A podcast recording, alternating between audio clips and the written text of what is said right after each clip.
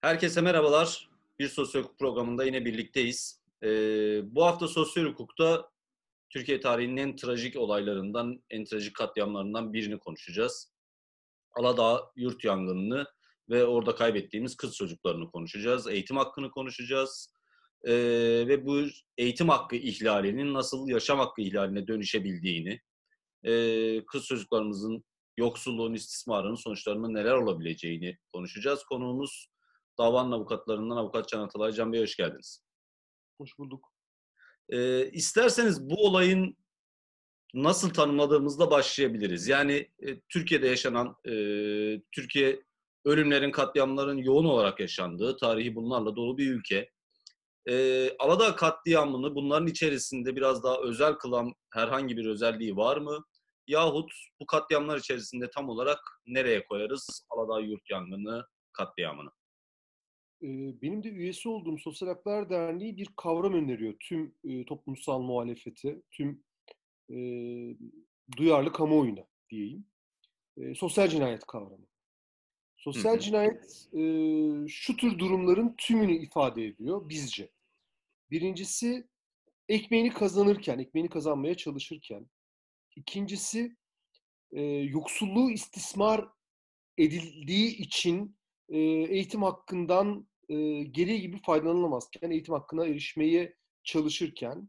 Üçüncüsü ise e, kamu hizmetinin özelleştirme politikaları nedeniyle gereği gibi ifa edilmemesi nedeniyle e, ölümü ihmal edilebilir görülen, ölümü göze alınabilir bir ne diyelim ekonomik ya da politik ya da toplumsal e, kalem olarak e, hesaba dahi katılmayan, hesaba katılsa dahi ihmal edilebilir, göğüslenebilir, e, karşılık e, ne diyelim karşılanabilir olarak gözüken e, tüm cinayetlere e, sosyal cinayet denilmesini teklif ediyoruz. Hı hı.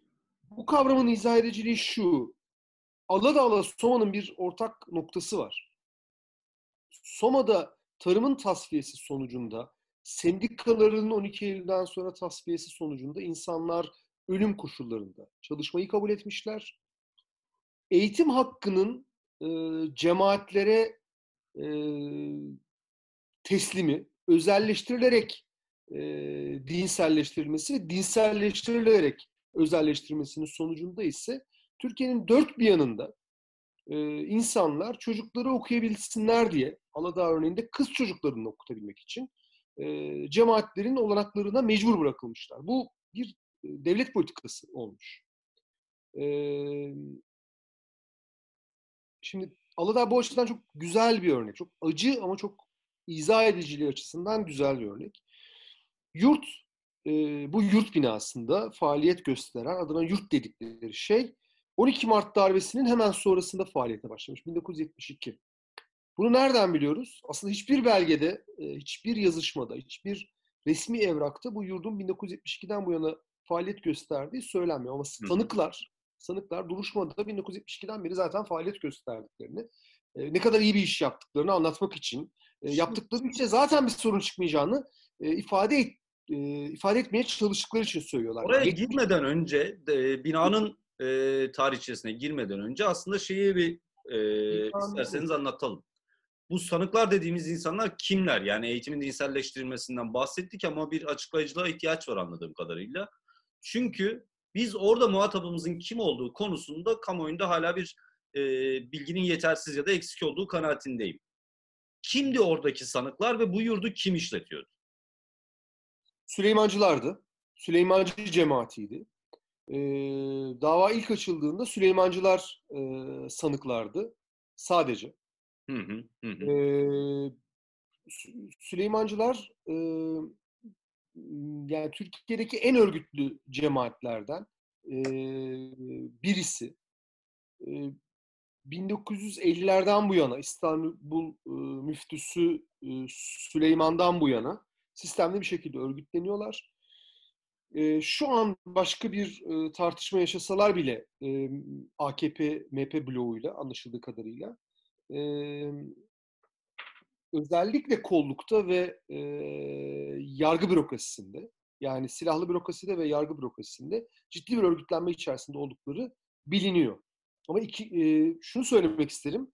E, 11 çocuk 12 kişi ölüyor Aladağ'daki yurtta. Süleymancılar çok büyük tepki nedeniyle, çok büyük kamuoyu tepkisi nedeniyle tutuklanıyorlar. Hatırlarsın, hatırlarsınız. Tutuklanmalarının üzerinden bir ay geçtikten sonra tahliye ediliyorlar. Sosyal Haklar Derneği'nin Çukurova'da faaliyet gösteren üyesi olan arkadaşlarımız, avukat arkadaşlarımız e, ve avukat olmayan arkadaşlarımızın ısrarlı takipleri sonucunda itiraz ediliyor ve tekrar tutuklanmak zorunda kalıyorlar. O kadar büyük bir kollanma söz konusu Süleymancılar açısından. E, dosyanın ilerleyen aşamalarında, kovuşturma aşamasının ilerleyen aşamalarında daha doğrusu dosyaya e, başka sanıklar da geldi. E, kamu görevlileri, başta özellikle Milli Eğitim Bakanlığı e, bürokratları, ilçe düzeyindeki bürokratları. Can Bey, e, kamu görevlilerinin yargılamaya dahil olmasını ve işin o kısmına ilişkin başka bir başlığımız var. İsterseniz az önce bıraktığımız yerden devam edelim. E, 72'den itibaren faaliyet gösterebiliyorlar. Bir bina evet. e, içerisinde. Ve bu faaliyet büyük bir oranda kayıtsız, herhangi bir denetim geçirmeden e, 2016 yılına kadar gelebilmişler. Buradan devam edelim. Faaliyet, faaliyet 72'de başlıyor. 83'e kadar yazışma yok. Tekrar ediyorum. Hı hı. 83'e kadar bu yurtla ilgili kamu idaresiyle yapılan bir yazışma dahi yok. 83'ten sonra aşama aşama yazışmalar başlıyor. Ama hukuk düzenince yurt olarak kabul edilen bir faaliyet yok 90'lara kadar. 90'larda bir yurt faaliyetinden bahsedebiliriz. Fakat yeni yapılan binaya erkek öğrencilerin taşınmasıyla bu eski bina kız öğrencilere tahsis ediliyor. Ve bu binadaki eksiklikler yapılan teftişler sırasında saptanıyor aslında, kayıt altına alınıyor. Bir iddiada bu kayıt altına almaların, bu saptanmaların yangın gecesi e, ilçe Milliyetin Müdürlüğü'nde alelacele yazıldı ama buna ilişkin bir kanıt toplanamadığı için e, hükümde bu kısımda eksik kaldığı için hani bunu ihmal ederek konuşalım. E, yurdun eksiklikleri saptanıyor. E, şu kadar söyleyeyim. Doğrusu yanlışı. E, katılırsınız, katılmazsınız. Fakat bir yurtta örneğin Atatürk köşesinin bulunmaması kapatma nedeni. Mutlak kapatma nedeni. Yurtta Atatürk köşesi yoksa müfettiş anında kapatacak yurdu. Yönetmelik böyle söylüyor yani. Yönetmelik böyle söylüyor. Doğru bulun, yanlış bulun. Müfettiş geri kalan yani yangınla ilgili eksikliklerle ilgili sıkıntıları izah edebilmek için insanların gözünde en fazla canlanabilecek şeyi Hı-hı. söylüyorum. Müfettiş diyor ki Atatürk köşesi yok gördüm kapatmıyor. Bunu bir kere yapmıyor iki kere yapmıyor. Yani bu sürekli devam eden bir durum. Yangınla ilgili özellikle yangın merdivenleriyle ilgili e, ve aşağı elektrik e, tesisatı e, değil ama yangının ortaya çık yani muhtemel bir yangının her binada ve özellikle yurt binalarında tabii ki daha fazla özen göstermesi bina, gereken binalarda bir yangın ortaya çıkması durumunda yangının sonuçlarının ağırlaşmasına neden olacak şeyleri saptıyor. Hiçbir hiçbir şey e, yapılmıyor bununla ilgili olarak. Bina şöyle, e, aslında bina ruhsatsız. Hı hı. Kaçak. E, belediye dosyasında çeşitli evraklar var. E, fakat bu evraklarda ki en acı durumu söyleyeyim. Hani en az bir çizim var diye savunma yapmaya çalıştı Süleymancılar. Fakat o çizimde çocukların öldüğü kat yok. Tekrar ediyorum. Çocukların yanarak ve boğularak öldüğü e, kat yok. E, aşağı evet, katta projede dahi yok. Evet, kaçak yani ve de oda yok yani. yani hı hı. bina binanın katını zikrediyor e, belediyedeki o e, çizim ve ondan fazla bir kat var ve çocuklar orada ölüyorlar. Yanarak hı. orada ölüyorlar. E, yerler halı, duvarlar lambiri giydirme, vernikle e, süslenmiş yani yan, herhangi bir parlama anında e, o alevin, o yangının e, hızlıca yayılmasını sağlayabilecek, kolaylaştırabilecek her şey var. Her şey var. Sadece bu kadar mı? Hayır. E, çatı da e, benzer bir nitelikte. Orada da vernik var. Zaten çatı çöküyor hızlıca. E, peki bu kadar mı? Hayır. Yangın çıkışlarının önü perdelerle kapatılmış. Kalın perdelerle. Peki bu kadar mı? Hayır. e, yangın çıkışlarının kapı kolları yok. Tekrar ediyorum. Yangın çıkışlarının kapı kolları yok. Şimdi Şöyle, bu meseleyi biraz üstünde duralım. Çünkü e, yargılama aşamasında en fazla konuşulan şeylerden biriydi. E, kapı kollarının sökülmesiyle ilgili birçok tartışma döndü. E, medyaya da yansıdı bunlar. Esas amacın ne olduğu konusunda e, bir tartışma var. Yangın e, çıkışlarının kapı kolları neden sökülür? Doğrudan insan hayatını tehlikeye atacak seviyede bir e, ortalama her insanın akıl, e, aklının alabileceği şekilde ciddi bir tehlikeye neden atılır? Bakın biraz sonraki hukuki tartışmaya e, da e, bir ön hazırlık bir e, hı hı. söze de girmiş olalım. Yangın kolları şöyle sökülüyor. Müfettişler gelirken geleceklerinden haber alıyorlar. Müfettişler diyorlar ki biz geleceğiz. Yangın kol, yangın çıkışlarının kapı kolları takılıyor. Müfettişler binadan çıkar çıkmaz o kapı kolları çıkartılıyor. Şu nedenle e, yargılama aşamasında hiç konuşamadık. Burada e, bir belletmen ölüyor. Hı hı. E, onun dışında yurt müdürü olan ve yurtta e, ne diyelim herhangi bir kaydı bulunmasa da yurtta yönetici pozisyonunda olduğu bilinen Mahmut'tu galiba adı. E, Mahmut dışında o an binada bulunan sigortasız çalıştırılan rızalarıyla çünkü Aha. Süleymancılar bir bir cemaat, bir, bir örgütlenme var orada ve bu insanlar iyi bir şey yaptıklarını düşünüyorlar ama sigortasız çalıştırılıyorlar. Çalışıyorlar ve sigortasız çalışıyorlar. Yangının çıkmasıyla birlikte bu insanlar koşarak e, çocuklar arkada kalıyor. Koşarak binadan çıkıyorlar canavliyle denebilir. E, biz bu insanların hiçbirini konuşamadık. Orada bir dini eğitim veriliyor. Hı hı. Dini eğitim verilmesinde ne gibi bir sakınca var denebilir? Ben isteyen insanların dini eğitim almasında bir sakınca görmem. Fakat özel bir yurtta bulunması hukuken mümkün olmayan yaştaki çocukların bu dini eğitime muhatap olmasından söz etmemiz gerekir. Hı hı. İkincisi, başta da söyledik, bu çocuklar buraya gitmeye mecbur bırakılmışlar. Hem yıllara sari e, siyasi otorite tarafından e, hem de somut olayda ilçe milli eğitim müdürü tarafından. Oraya gideceksiniz ya da ya da çocuğunuzu okutmayacaksınız. Bu kadar basit. Yani bildiğimiz anlamdaki genel eğitimi alabilmek için din eğitimi almaya mecbur bırakılmış durumdalar. Din eğitiminin belli bir yorumunu Süleymancılar din eğitimini nasıl yorumluyorlar? Yorlarsa, nasıl evet. anlıyorlarsa evet. onun alınması zorunlu kılınmış. Başka bir cemaatin yurdunda başkasının Sa- yorumu zorunlu kılınıyor. Şimdi burada şunu e, söylemek lazım. Bunun anlaşıldığı kadarıyla çocukların hikayesinden bunun yarattığı bir bunaltıcı hikaye, e, bunaltıcı bir durum var. E, ve çocuklar e, fırsat bulduklarında tabii ki e, yurdun dışında da vakit geçirmek istiyorlar.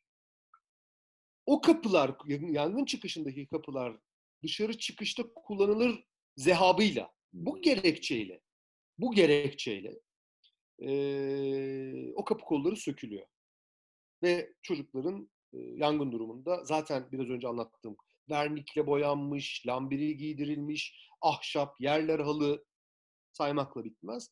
Bir yapıda e, bir kapana e, kısıldıkları ortaya konuyor.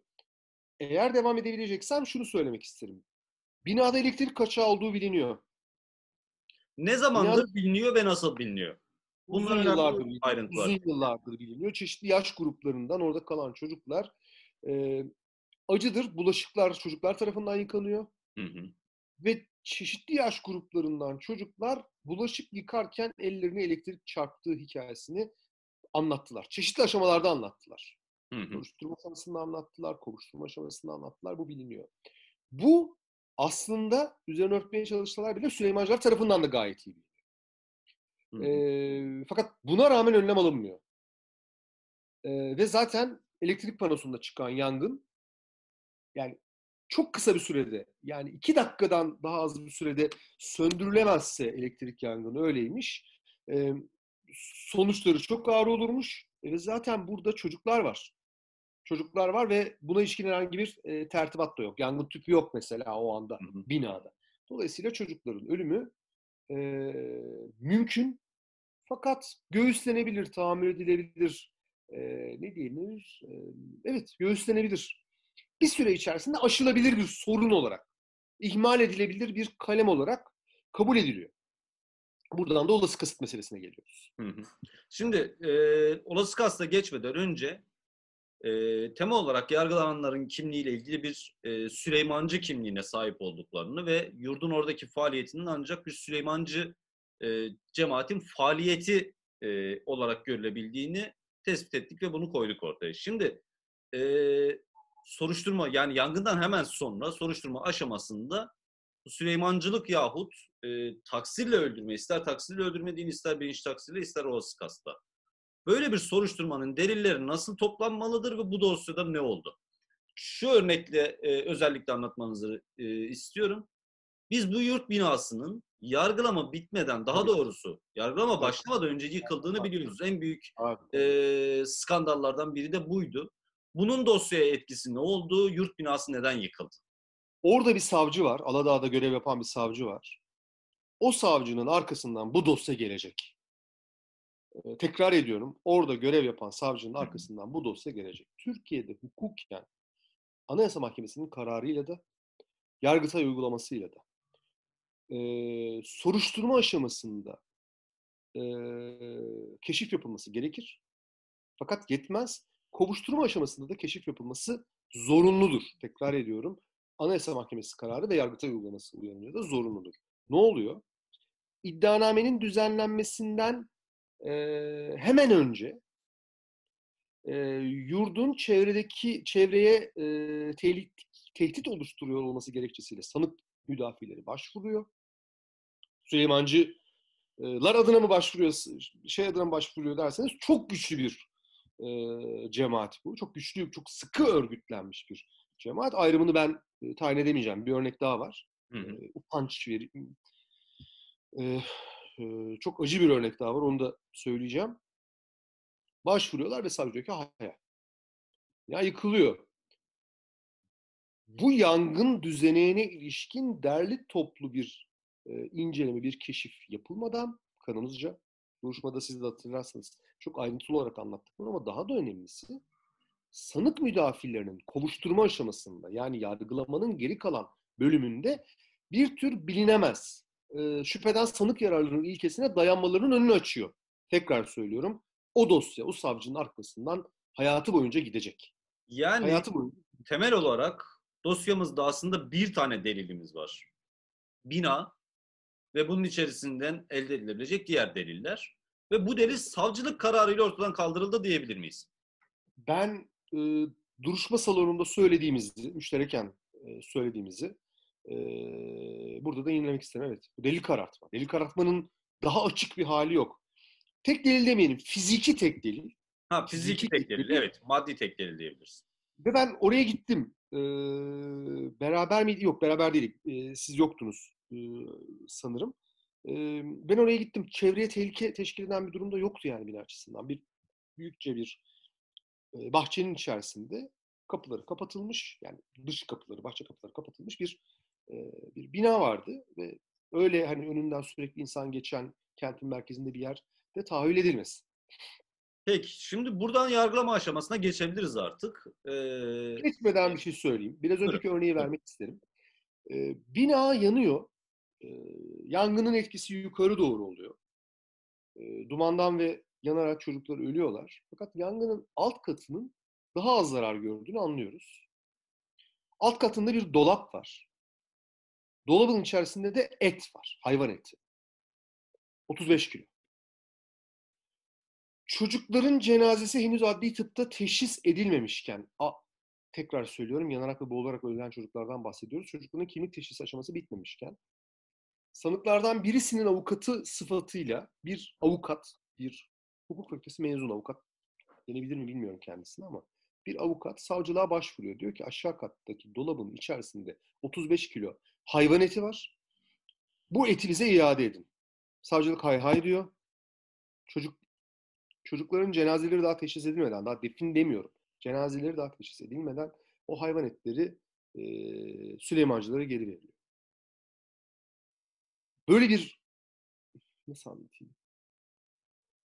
Böyle bir e, yani faaliyetin ahlaki, devamlılığı için ahlaki, ihtiyaç var. Ve bu faaliyetin devamı için e, Doğrudur. Bu söylenebilir ama ben burada bir ahlaki düşkünlük olduğunu e, saptamak isterim. Faaliyetin devamı erkek öğrenci yurduna götürmüşlerdir muhtemelen. E, yani geliri çok yüksek olan insanlar değiliz. Akçay Hocam. Siz de değilsiniz, ben de değilim. Ama yani ne bileyim Allah göstermesin böyle bir şey yaşandığında insan e, oraya kadar düşmez ya. Çocukların cenazeleri dahi Yani e, benim de aşağı yukarı bağlamaya çalıştığım şey aynı şeydi. O faaliyetin, o teşkilat faaliyetinin devam etmesi için bu seviyede bir ahlaki düşkünlük noktasına varmışlar. Onu anlatmaya çalışmıştım. Aşağı yukarı aynı örneği vermiş olduk. O kadar büyük bir ahlaki düşkünlük ki bu. Süleymancılar için 35 kilo et çok küçüktür. Evet. Öyle bir gözü dönmüştük ki bu şey. ondan vazgeçemiyor. Yani mahcubiyetle bir an için önüne bakmıyor. 11 çocuğun cenazesi başında e, bir an olsun mahcubiyet duyup önüne bakmıyor. Şimdi bu olayın tartışıldığı, duruşmada tartışıldığı anı da ben anekdot olarak aktarayım ve oradan sonra devam edelim. Evet. Ee, duruşmada bu hususu e, dile getirdiğimizde sanık söz kendisinde olmaksızın adet- adeta laf atarcasına bırak Kendi kızı da orada ölmüş olan sanık. Evet ve kendi çocuğu orada ölmüş olan. Çocuğu orada ölmüş olan sanık. Sanık e, bıraksaydık da çürüse miydi şeklinde bir cevap vermişti diye Tam hatırlıyorum. olarak ifadesini söyleyeyim. E, bu çocuklara ne kadar iyi baktığımızın kanıtıdır. Diğer yurda götürecek çünkü. Evet, evet, Şöyle, biz o sanığa başsağlığı dileyerek başladık duruşmalar hatırlarsanız. evet. O andan itibaren e, başsağlığı dilemeyi bıraktık. Peki, devam edelim isterseniz. Yargılamaya başladık. Ee, ve aslında sonuca gelmeden e, yargılamanın biraz netameli yürüdüğünü söyleyebiliriz. Ee, özellikle başlarda ciddi bir netameli yürüdüğünü söyleyebiliriz. Ne bekliyordunuz davaya başlarken? Nasıl bir öngörünüz vardı? Onunla başlayalım. Sonra yavaş yavaş kararı konuşmaya e, doğru gidebiliriz. Şöyle söyleyeyim, yani biz e, başladığımızda Süleymancılarla e, siyasal iktidar arasında bir problem olduğunu bilmiyorduk. E, 2016 koşullarında, 2016 Türkiye'sini tahayyül edin, o koşullarda bu işe giriştik. Sosyal Haklar Derneği'ndeki bütün arkadaşlar o koşullarda bu işe giriştiler. Yargılama sonucunda ne olması gerektiğini, yani ne olacağını bilmiyorduk ama ne olması gerektiğini biliyorduk. Hı hı. İlk gün, ilk güne gelmeden şunları söylemekte yarar var sanırım. Bu aileler, para, bu ailelere para teklif edildi, kan parası. Reddettiler. Tehdit edildiler. S- e, Ne diyelim? Sivil unsurlar tarafından tehdit edildiler. Reddet, ellerinin tersiyle ittiler. Resmi unsurlar tarafından gözdağı verildi. Ellerinin tersiyle ittiler. Bunlar çok yoksul köyler. O kadar yoksullar ki çöpleri yok. Sosyal Haklar Derneği bu köylerde yaz okulu yaptı. Anımsarsınız. Ee, yaz okullarının ilk gününde ben de orada görevliydim. Ee, çöpleri e, nereye atabileceğimiz, hani o köyün çöplerinin nereye atıldığını sordum ben. Dedi ki köylü bizde çöp çıkmaz ki. Bakkal yok köyde. O kadar hani, yani bu hayatta çeşitli düzeylerde yoksulluk ve yoksulluk görmüşüzdür. Bunlar öyle şeyler değil. Bu, bu insanlar, kız çocuklarının diyorum bakın özellikle söylüyorum kız çocuklarının e, adaletinin peşine e, kararlılıkla düştüler. İlk gün duruşma salonu içerisinde Anayasa Mahkemesi ve Danıştay tarafından Fethullahçı örgütlenmenin en kritik aşamalarında e, en kritik işlevi üstlendiği söylenen Hakimler Savcılar Yüksek Kurulu'nun ikinci dairesinin o tarih itibariyle adını söylüyorum. Üyesi bir kişi geldi tüm sanıklar müdafisi olarak konuşmaya başladı. Şiddetli itirazlar sonucunda, bizim itirazlarımız sonucunda duruma uyandı. Duruşma salonu içerisinde bile çok gergin bir durum ama kapının önünde ailelere saldırmaya cüret ettiler. Hı hı. Orada e, arkadaşlarımız ve biz gerektiği şekilde bu saldırı girişimini e, yanıtladık. Hangi dilden anlıyorlarsa saldırganlar o dilden konuşuldu. Hı hı. O an itibariyle Kozan'da, yargılamalar Kozan'da oldu biliyorsunuz. Kozan'da bambaşka bir e, ne diyelim Hava oluştu. düzeye geldiğimizi, bambaşka bir e, baş- bambaşka bir şey olmaya başladığını e, belki de 12 Eylül'den bu yana yani solun ezildiği, toplumsal muhalefetin ezildiği e, o coğrafyada bambaşka bir e, şeye vesile olduğumuzu gördük, tecrübe ettik. E, yargılama içerisinde bizim tehdit edilmemiz dahil her türlü yola tevessül edildi. Her türlü işe başvuruldu. Fakat ailelerin sıkı durmasıyla, e, fakat Sosyal Haklar Derneği'nin Çukurova'daki faaliyetini sürdüren arkadaşlarımızın kararlılığıyla ve e, başta genç avukat arkadaşlarımız olmak üzere Sosyal Haklar Derneği'ne üye avukat arkadaşlarımızın e, nitelikli emekleriyle, kararlılıklarıyla ve nitelikli emekleriyle ve Türkiye'nin dört bir yanından başta Adana Barosu olmak üzere, Adana Barosu Başkanı'nı da özel olarak almak isterim. E, ama Türkiye'nin dört bir yanından gelen çocuk hakları e, komisyonlarının faaliyetleriyle yargılama bambaşka bir yere geldi. Anımsatırım, anımsatmak isterim izleyenlere. İddianame taksirdendi. Hı hı. Karar bilinçli taksir. Bizce yetersiz, bizce yetersiz. Şimdi o kısmına hemen girelim. Ee, ee, biz ne talep ettik Aladağ'da ve karar bilinçli taksirden çıktığında neden tatmin olmadık? Buraya da tam yeri gelmişken girebiliriz. Tamam. Şöyle, biz olası kasıttan yani sonucu görüp e, sonucu e, ne diyelim olursa olsun e, dediklerini söyledik. Sanık müdafileri... söyledik yani. Efendim umursamama halini söyledik. Umursamama halini söyledik. Evet, evet. E, çünkü herhangi bir önlem almamış. Hiçbir önlem yok. Göz göre göre geliyor üzerine doğru ve hiçbir önlem almamış. Önlem almadığı aşamalardaki teftişlerde belli, kendi duruşmadaki beyanlarında belli. Görmüş ve önlem almamış. Ee, buna ilişkin en önemli, benim hani en ciddi alacağım şey e, argüman e, yurt müdürünün çocuğu da orada ölmüş maalesef. Demişler ki bu adam kendi çocuğunun ölümünü mü göz almış durumda? Yani bunu da mı umutlanmış? Biraz önce anlatılan örnek e, buna ilişkin yanıttır. Biraz önce anlatılan örneğin e, manası şu. O kadar yüksek bir bağlılık ki cemaate. Daha önce örneğini gördük. Daha önce görmeyenler e, 15 Temmuz 2016 günü gördüler. Bu kadar şey, yüksek bir bağlılık ki bir cemaate, bir e, bir mürşide, bir şeyhe o kadar yüksek bir varlık ki diğeri ihmal edebilir bir şey. Haline dönüşebiliyor gördüğümüz kadarıyla. E, bundan eminiz biz. Bunun olası kısıt olduğundan eminiz. Fakat mahkeme bilinçli taksir dedi. Yani önlem Buna ilişkin e, yerleşik örneği söylemekte yarar var. E, sarhoş araba kullanmak. Yani kendi becerisiyle e, herhangi bir kötü sonuca neden olmayacağını düşünüyor kişi derler. Burada öyle bir durum da yok. Yani bir beceri durumu bu beceriye güvenme durumu evet, da yok. Öyle yani, bir. Örneğin tam olarak karşında değil. Evet, evet. Yani dolayısıyla bu olası kasıttır. Hı hı. Kitabın orta yerinden e, anlattığımız durumda. Ahmet Gökçen derslerde, biraz önce bahsettiğim SK 2. dersi başkanı, pardon, e, üyesi, Fethullahçıların e, kritik örgütlenmesi konusunda işlev gören e, HSYK 2. dairesinin e, saptama Danıştay ve Anayasa Mahkemesi'ne aittir. E, kritik üyesi Ahmet Gökçen'in derslerde anlattığı örnekler bunlar. E, mahkeme bilinçli taksirden verdi. Kamu görevlileriyle ilgili olarak da çok önemlidir. E, e, görevi ihmalden, ihmal yoluyla görevi ihmalden, görevi kötüye kullanmadan düzeltiyorum, verdi. E, şimdi bu Türkiye tarihinde cemaat yurtlarında ölümle sonuçlanan olaylar açısından bir ilk.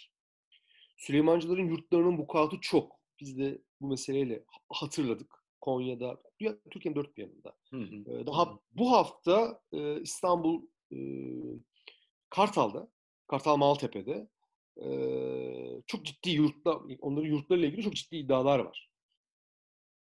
İstismar ee, ve tecavüz iddiaları değil mi? Evet. Çok ciddi iddialar var ve Türkiye'nin dört bir yanında bunu hatırlıyoruz. Yani Konya'da hayat kaybeden çocuklar vesaire vesaire. Şimdi sonuç ne oldu? Olası kasıtla bilinç tak sırasındaki fark ne oldu? Nisan 2020'de AKP-MHP bloğu kamuoyunun bugünler itibariyle hatırlayacağı şekilde Alaaddin Çakıcı'yı cezaevinden çıkartmak için en özet ifadesiyle Alaaddin Çakıcı gibileri cezaevinden çıkartmak için. Selahattin Demirtaş gibileri, Osman Kavala gibileri, Selçuk Kozağaçlı gibileri cezaevinde tutmak için adına infaz düzenlemesi dediği bir kısmi af getirdi. Evet. Kısmi af olmaz. Türk hukukunda kısmi af mümkün değildir. Koşulları vardır daha doğrusu. Böyle bir kısmi af mümkün değildir. O kısmi af sonucunda kasıtla insan öldürenler aftan yararlanamadı.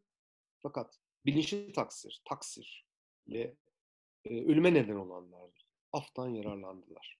Ve bu insanlar 11 çocuğun katili oldukları halde Kozan Ağır Ceza Mahkemesi'nin kararıyla hüküm altına alınmış olduğu halde bir gün daha ceza yatmayacaklar. Peki. Kamu görevlileri devam edeyim. Evet, kamu görevlileri, kamu görevlileri e, hayatımızda insan denen varlığı düşündüğümüzde suratımızı buruşturmamıza neden olan nitelikteki bu kamu görevlileri. Duruşmada gördük hallerini. Hı hı. Duruşmada gördük e, e, nasıl anlatayım? E, hiçbir mahcubiyet hissetmediklerini. O insanlar da bir gün daha yatmayacaklar ve kamu görevine devam edecekler. Etmeye çalışacaklar en azından. Bu kadar. Şimdi e, aslında güzel de bir özet olduğu kanaatindeyim. E, bu dosyanın esasının ne olduğunu, daha doğrusu bir dosyayı e, kelimesini kullanmayalım.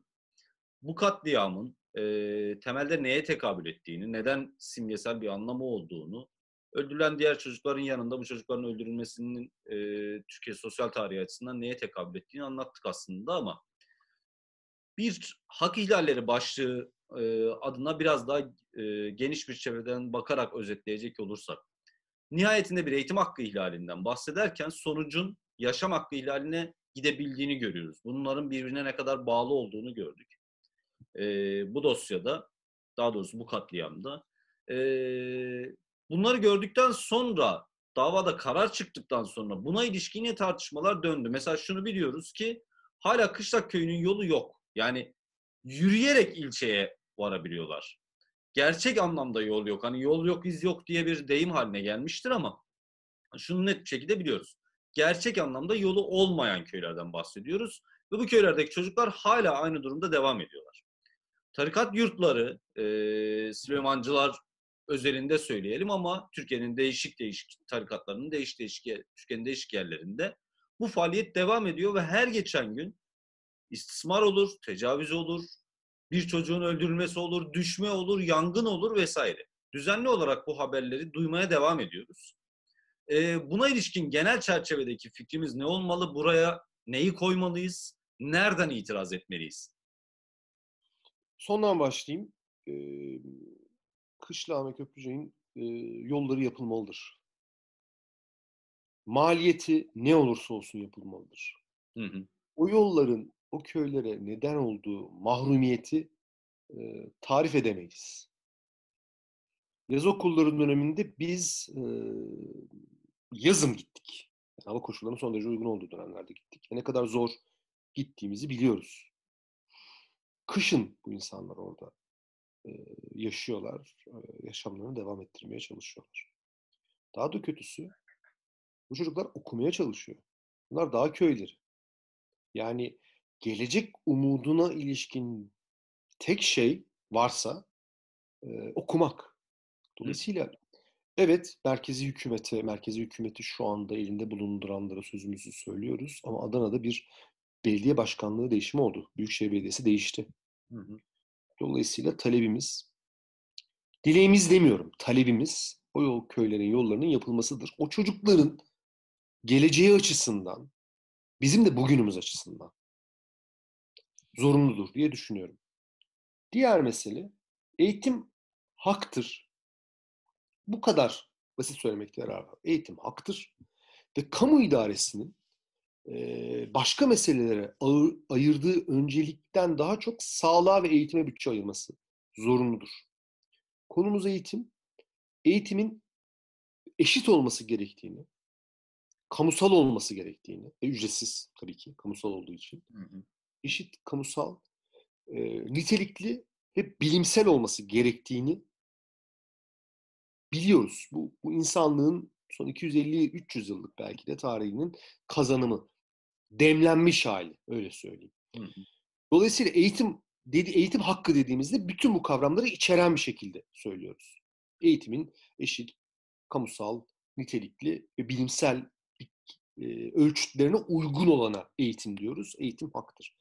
Kamu idaresinin tüm yurttaşlar için, tüm yurttaşların çocukları için eğitim hakkını tesis etmesi gerekir.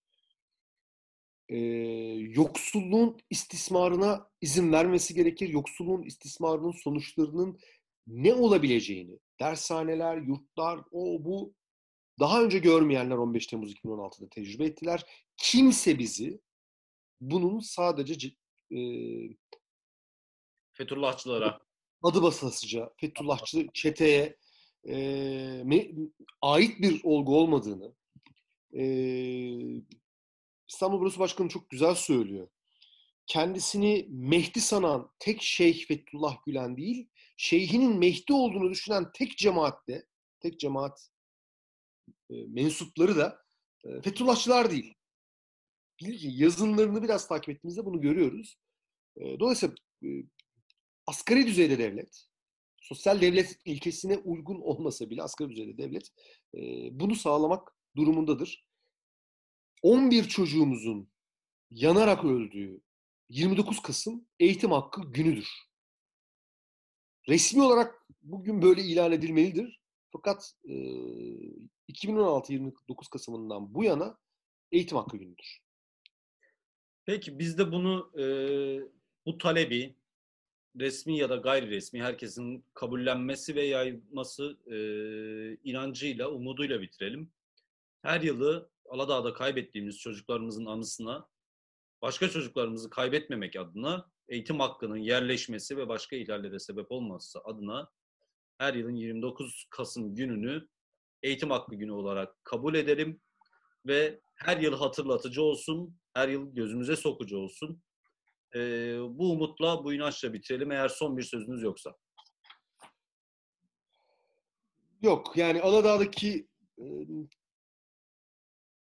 çocukların e, anısı e, Türkiye'nin diğer yerlerinde çocuklarına özen gösteren, çocuklarını okutmak isteyen, cebinde parası olan ya da olmayan tüm insanların e, boynunda bir ağırlık olsun isterim. Evet.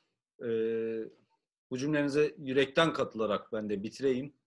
Dediğiniz gibi çocuğunu okutmak isteyen her sabah sırtına çantasını geçirdiğinde e, okula gönderdiğinde, gerçi bu aralar onu gönderemiyoruz, am, e, çocuklar gönderemiyor kimse ama gene de fikri olarak her çocuğunun e, çantasını sırtına astığında o çantayı sırtına geçiremeyen çocukların olduğu bilinciyle e, ve bu duyarlılıkla hareket edilmesi gerektiğini hatırlatalım, umalım. Son, son söz şu olsun mu Akçay Hocam? Buyurun. Pandemide bir kere daha şunu gördük. Yani insanlığın e, sınıflar mücadelesinin 250 yıllık tarihinin şeyi. Hepimiz iyi değilsek hiçbirimiz iyi değiliz.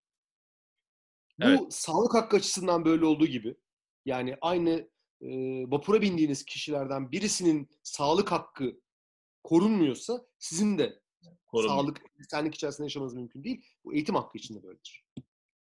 Eğitim hakkı içinde aynı e, genişlikteki sorumluluk ve hak bilincinin bir gün yerleşmesi umuduyla ve bunun için mücadeleyle birlikte.